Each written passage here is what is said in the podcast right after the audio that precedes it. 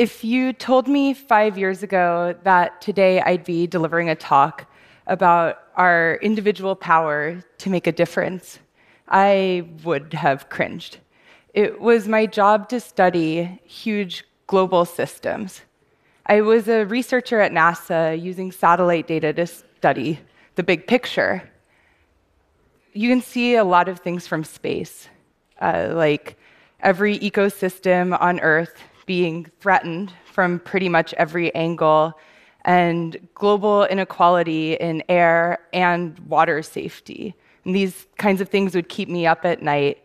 And then outside of work, I'd use this bird's eye view while thinking about our huge social structures like education and media and healthcare. And it looked to me like they were all really struggling too. So I felt like the world was just trapped in this huge self amplifying system that was just spiraling towards destruction. And of course, I wanted to do something about this, and I felt so small and utterly powerless. But I started to feel a little differently as my perspective shifted from the macro towards the micro. It began with bumblebees.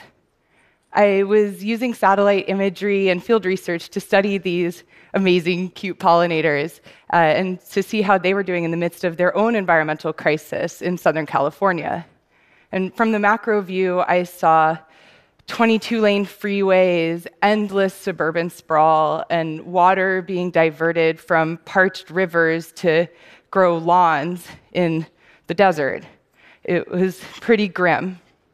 But on the ground, there were actually some small opportunities for optimism.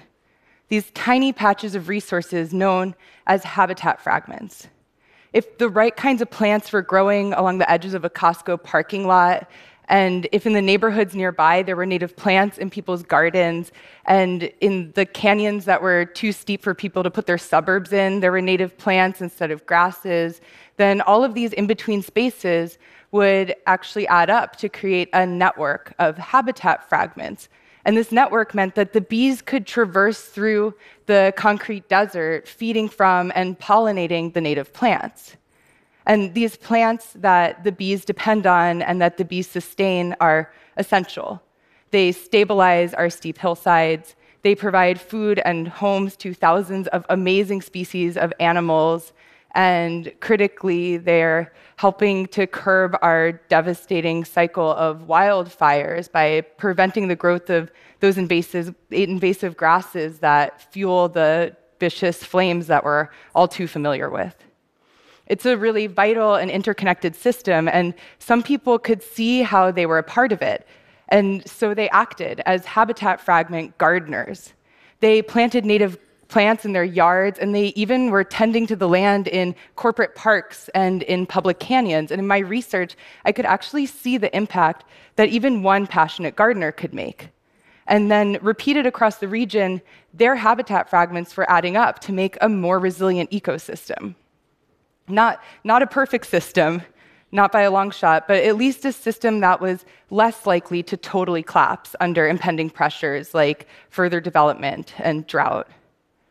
So I was looking at the world through this lens when I found myself in the waiting room of a public hospital in Brooklyn with my partner Charles. And we were sitting across from a group of teenagers who were slumped in their chairs and bored out of their minds and just refreshing their phones over and over again.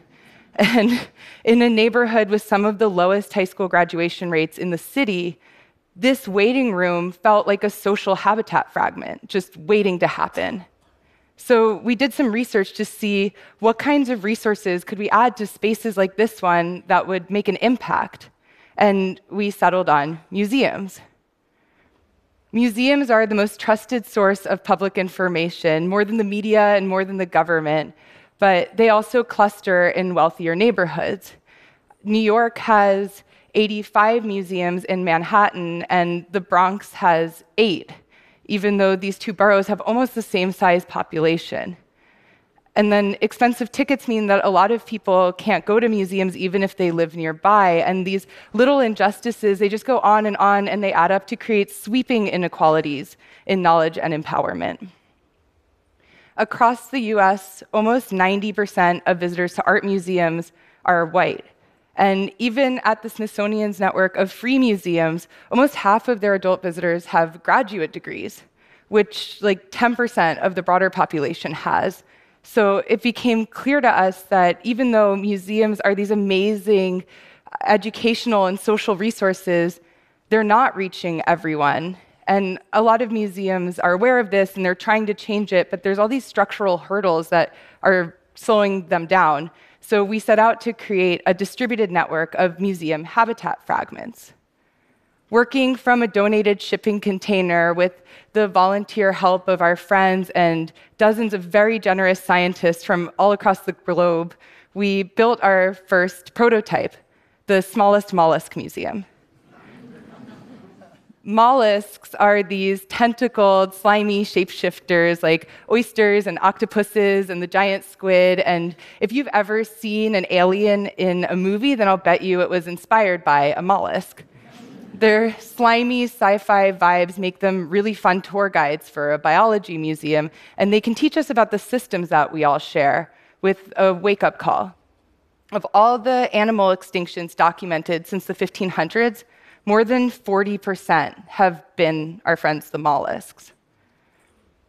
So we tested this museum across the city to see if it resonated with all kinds of visitors, and it did. People really liked learning from it. So we built a fleet of tiny science museums, each one small enough to fit into pre existing locations with information dense enough that they could still pack a punch, and they're modular so they can be distributed at a scale that can reach everyone. And then we partnered with libraries and community centers and transit hubs and the public hospitals so that we could transform their in between spaces into habitat fragments for social learning. And Fittingly, we named our fleet of museums Micro. Even though each habitat fragment is small, it provides the essentials. It draws people in so that they can explore and learn together in a social way. And then, distributed across the landscape, we're able to invite people everywhere into conversations around science.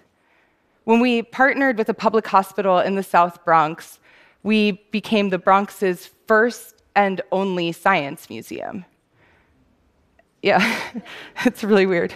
Um, and really quickly, families started coming by with their kids, and schools started arranging field trips all to this tiny museum in the front lobby of the public hospital.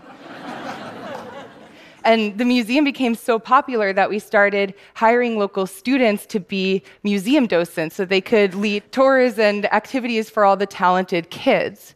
And every spark of curiosity that we're able to fuel and each new fact learned and every new friend made at the museum and every kid who can have a meaningful and important after school job, it all contributes to a stronger system. So today, I try to keep the micro view in mind. I'm always examining how small actions can add up to create uh, shifts at the macro scale of systems. And honestly, I'm seeing a lot of really good things. There are habitat fragments everywhere, nurtured by talented, passionate, strategic individuals and groups of all sizes who are building towards systems with more equal access to food and employment, healthcare, housing, political empowerment, education, and healthy environments. One by one, together, we're filling gaps, strengthening the systems that we're all a part of. We have to work on the big institutions too, of course. It's just that they're so slow, and we're living in the midst of rapid change. It's a defining feature of our time.